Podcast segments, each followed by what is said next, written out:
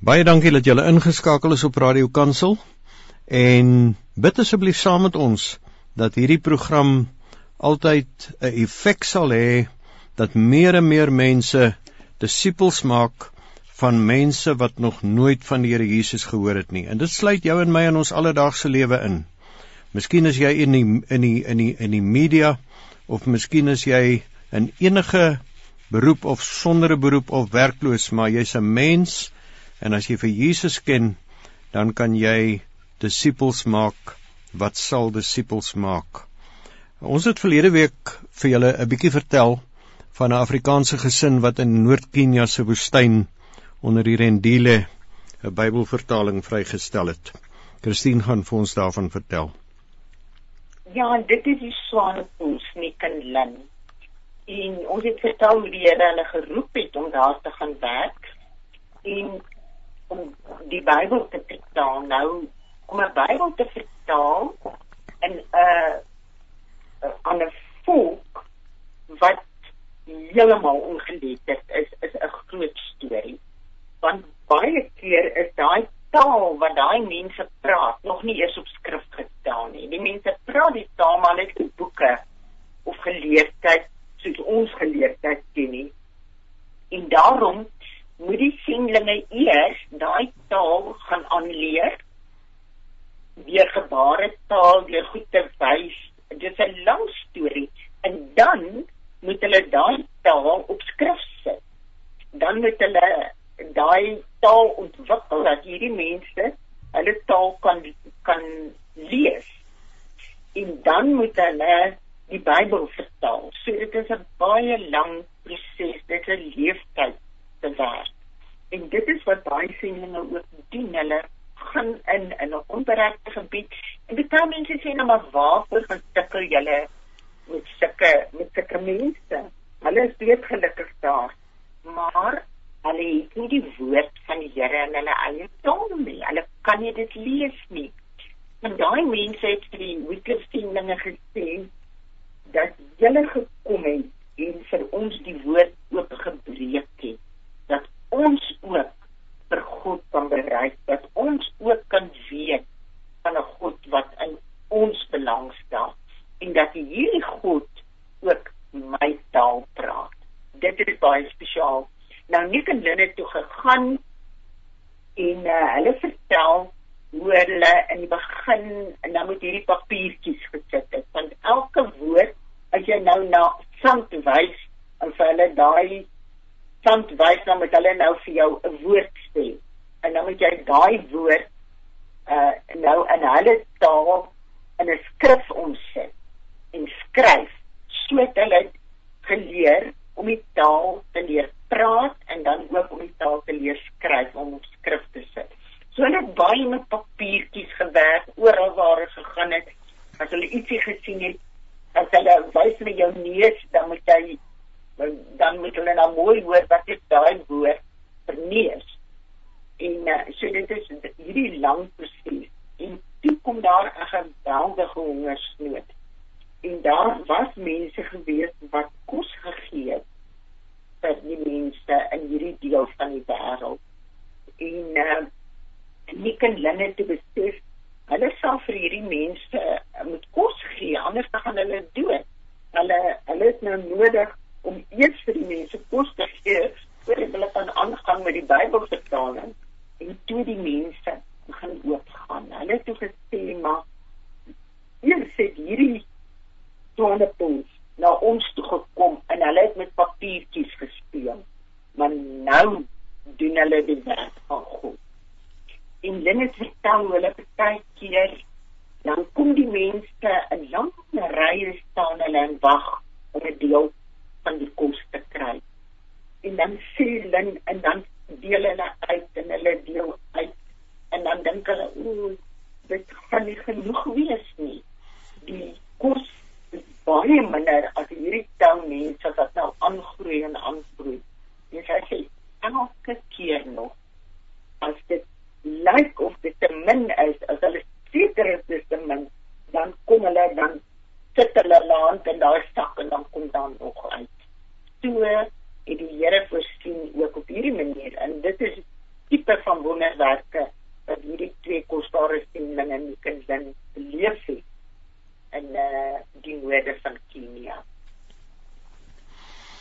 ek wil julle ook vertel van 'n stad met die naam van Diyarbakir. Is 'n stad met meer as 'n miljoen inwoners en hy is ver oos in die Koerdiese deel van Turkye. Ehm um, toe ons in 1992 min of meer daai jaar met Suid-Afrikaanse gemeenteleiers daar kom, toe hoor ons van 'n Kanadese sendeling wat ons daar opspoor dat daar tussen 15 miljoen mense in die omliggende provinsies het weet hy net van die bestaan van sewe gelowige Christene van enige agtergrond en baie min van hulle was inheemse Turke en Koerde van van Turkye. Ehm um, die meeste van hulle was westerse sendlinge.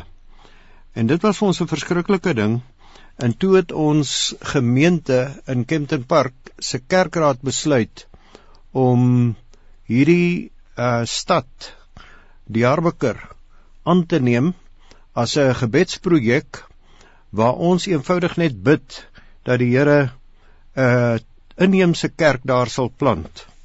En wat was ons verrassing groot. Um toe ons jare later uh vind dat ek in Turkye die nuwe predikant van die kerk van die Diyarbakir kan ontmoet. En die man ehm um, was van die meerderheidsgeloof daar en hy het ehm um, tot bekering gekom uh omdat hy deur die Bybelkorrespondensie kursus 'n uh, gedeelte van die Nuwe Testament in Turks ontvang het. En dit was vir ons wonderlike gebedsverhoring uh vir ons projek. En ehm um, toe ek weer eendag in Istanbul kom, toe bel iemand my en sê ehm um, julle moet asseblief dadelik die Diyarbakir toe kom. En Christine en ek wonder toe wat is nou daar aan die gang? En ehm um, toe sê hy vir ons wat daar gebeur het is dat die Turkse predikant wat nou intussen uh al 'n hele klomp lidmate in sy gemeente het en hulle het 'n wettige kerk gebou. Ehm um, en en en hy is nou in die tronk. Hy's nie in die tronk nie, maar hy's in die hof aangekla dat hy 'n uh, kerkdiens gehou het en dat hy die mense in die kerk laat sing het. En ehm um, en nou wil hulle hom daaroor skuldig bevind en ons voel toe okay hulle het gevra ons moet hom emosioneel kom ondersteun en geestelik kom ondersteun. Ons klim op 'n vliegtyg en ons vlieg 'n paar uur van die van Istanbul af Diyarbakir toe. En daar vind ons baie besoekers in die hofsaal soos ons. En party van hulle is uitlanders party van hulle is leiers van menseregte groepe wat gehoor het van hierdie hofsaak. En ehm um, en ons sit almal daar om die beskuldigde ehm um, in beginsel te ondersteun. Toe die saak open, toe sê die staatsaanklaer die klag teen hierdie beskuldigde is dat hy 'n kerkdiens gehou het en die mense in die diens laat sing het.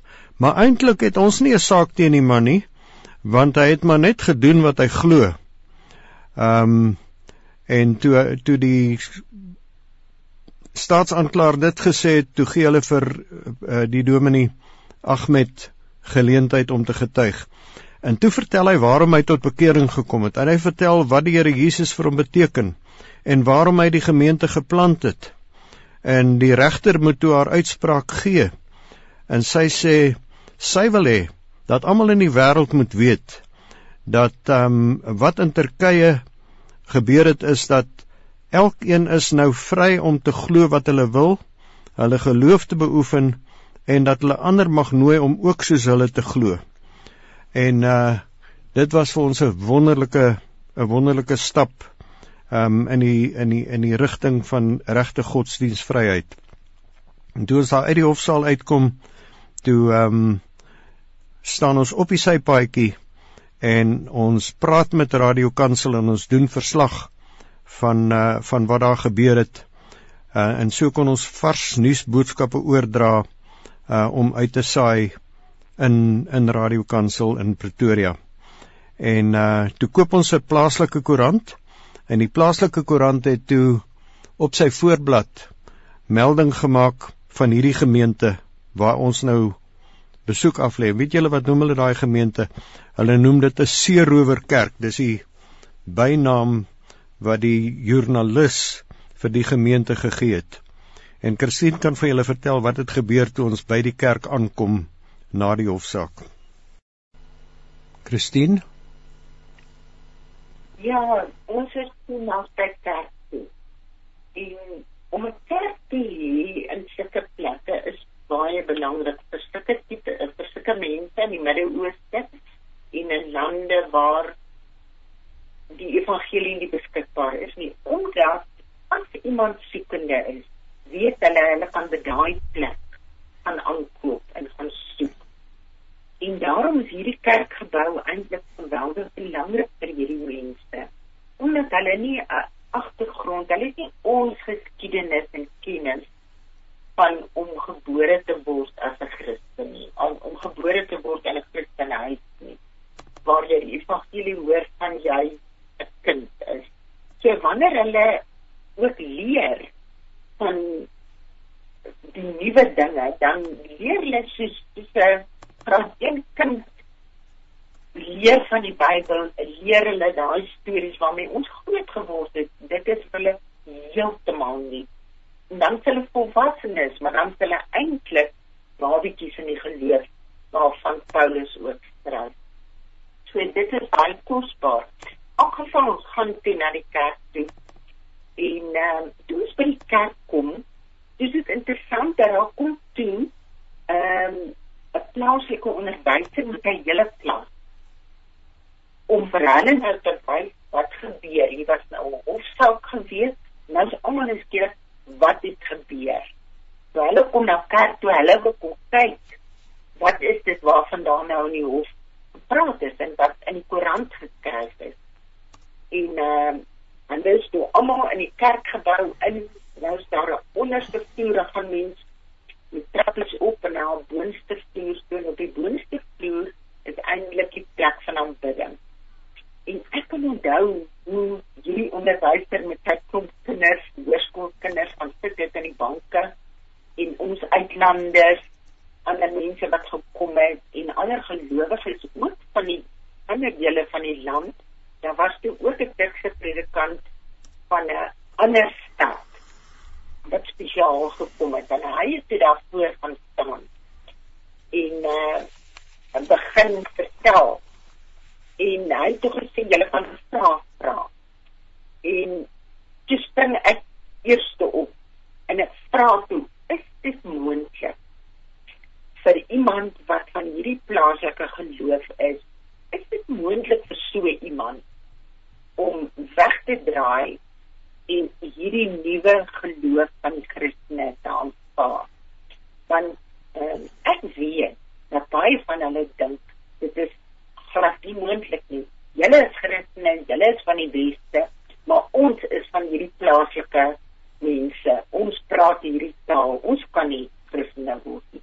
En dis hoekom ek daai vraag gevra het. En dit was wonderlik. Ek weet nie meer of jy wil vertel hoe jy daai predikant vir hulle verduidelik. Ja, hy was self hy was self van die plaaslike geloof in en en en hy het in Engeland ingenieurswese gaan swat en 'n vrou het hom daar op die universiteit na die Here gelei en toe trou hy met haar. Nou sy die predikantsvrou van van 'n Turkse gemeente in 'n groot stad. En hy sê toe vir hulle: "Ja, ek is 'n voorbeeld van die antwoord op hierdie vraag van Christine want ek was van van hierdie geloof wat die meerderheid van ons mense in glo. En uh en nou is ek vandag dankbaar dat ek nou 'n gemeenteleraar kan wees wat Jesus volg. En dit het die kinders geprikkel. En hulle het met allerlei vrae na vore gekom en hy het hulle een na die ander geantwoord. Een van die vrae was nou die die die skoolkind vra toe vir hom nou waarom is julle Bybel dan verander? En toe sê hy: "Nee, dis nie verander nie, laat ek vir julle verduidelik hoe dit werk." Toe tel hy sy Bybel hoog in die lug op en hy sê: "Kyk van hierdie gedeelte tot hier waar sy twee vingers nou is. Uh dit noem ons die Ou Testament. Toe kan hulle sien dis die grootste deel van die Bybel. En toe gaan hy na die deel wat 'n bietjie kleiner is van Matteus tot by Openbaring. Uh en hy sê vir hulle nou hierdie gedeelte ehm um, dit is die dit is ge, geskryf oor die tyd sedert Jesus gekom het. En hy verduidelik te vir hulle dat as as jy na die Ou Testament kyk, dan kry jy profeseë dat Jesus moes kom want hy is die hy is die Messias. En ehm um, en hier in die Nuwe Testament kry jy nou van al die wonderwerke wat hy gedoen het en alles wat hy vir ons leer en beveel. So Christine, jy kan verder vertel. Ja, want die ding is hulle as hulle hoor Ou Testament en Nuwe Testament, dan dink hulle ons het die ou Bybel gevat en nou het ons dit oorgeskryf in 'n nuwe Bybel gemaak. Ehm um, en dit is 'n baie belangrike vraag wat baie mense vra wat van daai agtergrond afkom.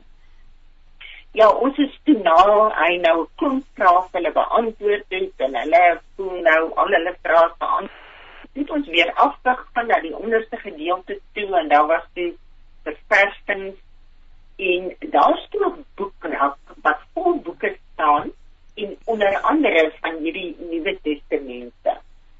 En die kinders het nie so in die verversings belang gestaan nie, maar het in daai boeke belang gestel. Hulle het onmiddellik saam gedrom en dan weet maar kan hulle dan nou ook van hierdie Nuwe Testament hierdie injil skryf.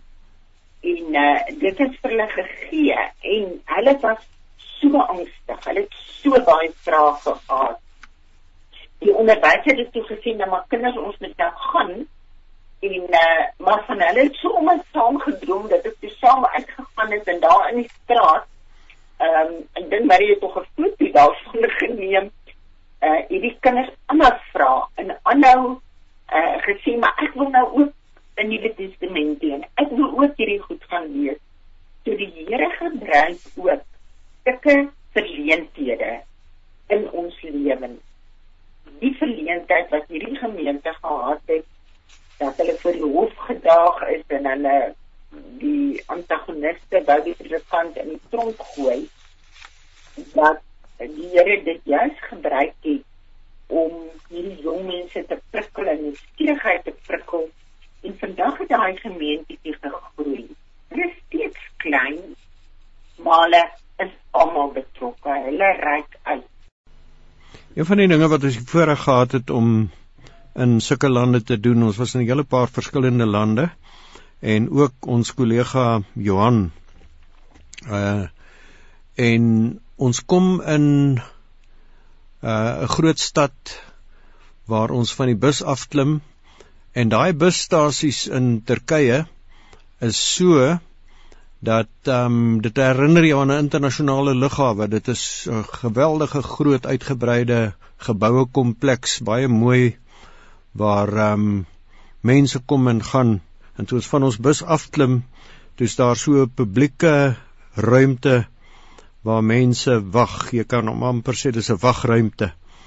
En ehm um, een van ons spanmaats kyk toe daai kant toe en hy sê is dit nie 'n Bybel daai nie?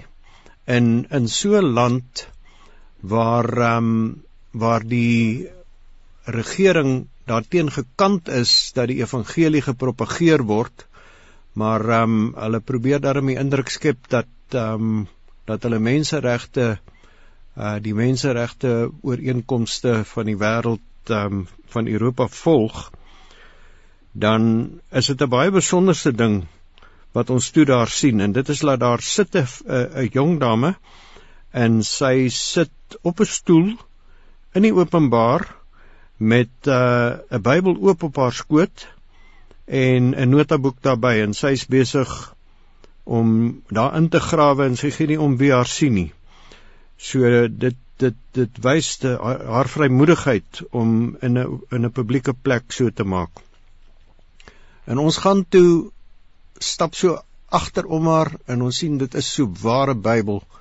En ons begin met haar gesels en ek kan nie veel Turks praat nie, maar met 'n bietjie Turks en met uh, handgebare, sy ons vind toe uit sy kan glad nie Engels praat nie, sy praat net Turks. Toe uh, verduidelik sy vir ons dat uh, haar gemeente wat deur 'n Turkse predikant gelei word, is besig met uh disippelskapsopleiding en sy volg hierdie kursus. En uh En wanneer sy by die by die kerk kom, dan moet sy ehm um, dan moet sy weer op die strate uitgaan as lid van 'n spannetjie en en en dan en dan lei hulle mense na die Here. En en ek vra toe vir haar wat se tipe van mense en toe sê sy dit is van ons plaaslike mense maar dis ook vlugtelinge wat in ons land ingekom het.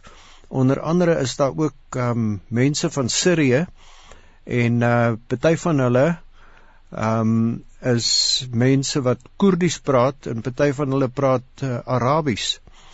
En hulle het nie 'n ander taal nie en omdat ek net Turks praat, is dit baie moeilik om met hulle te kommunikeer. En toe pluk ons 'n klankbybel uit wat ons in my sak gehad het en en ons demonstreer vir haar dat as jy hierso druk, dan praat die ding die Bybel in in uh Turks En as jy daar druk dan praat die dan praat die apparaatjie die Bybelse inhoud in Arabies en as jy daar druk dan praat hy dit in Koerdies. En sy was verstom. Sy sê, "Wow, dit is wat ons nodig het." En ehm um, en ons het dan die voorreg gehad om uh in daai in daai gebied, maar ook in ander Midde-Oosterse lande saam met Johan sulke kursusse aan te bied waar ons vir die plaaslike gemeenteleiers leer hoe om hierdie klankbybels te gebruik en hoe om dit ook in disippelskap kursusse um, in te skakel. En uh, dit is 'n geweldige groot gebedsversoek wat ons vir julle het. Dat ehm um, dat julle kan bid.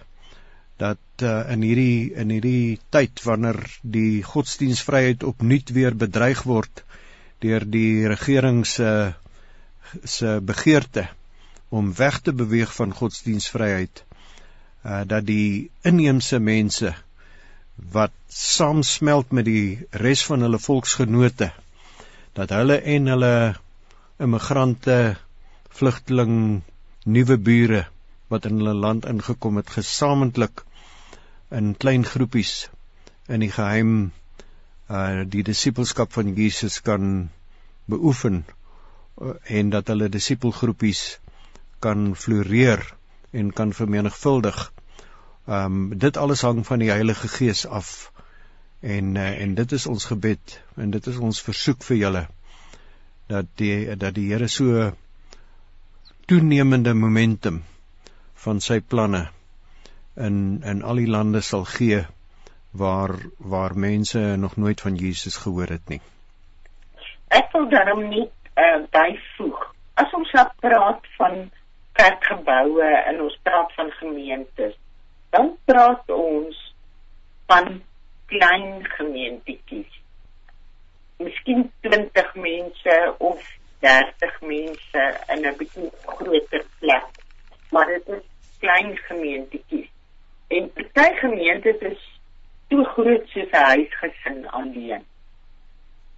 So en wanneer ons praat dat daar 'n vryheid kom, dan moet ons ook bewe uh, ook weet dat die polisie en baie van die plekke, die veiligheidspolisie en die plaaslike mense, is die mense wat ook die die gelowiges vervolg omdat hulle nie hou daarvan nie. En hulle vervolg hulle op maniere waarop hulle byvoorbeeld as jy werk en jou baas is nou nie van die, die feit dat jy nou 'n Christen geword het nie, dan betaal hy jou net nie of ehm um, of jou familie verwerp jou hulle jaag jou weg. So dit is die tipe van dinge of jy word net by die skool verwerp. Dit is die tipe van dinge wat hierdie mense leef as hulle na Jesus toe draai. Hulle het koste wat hulle moet bereken voordat hulle regtig 'n besluit neem ek wil voluit Jesus gaan. So die wens wat ons vir die voortbestaan van Radio Kansel het is dat uh, meer en meer mense in verskillende dele van die wêreld um disipelmakers sal maak onder die mense wat nog nooit van Jesus gehoor het nie. daarmee is dit Marie en Christine wat vir julle sê aan hierdie kant is dit nou Marie wat sê baie dankie dat julle deelgeneem het. Totsiens.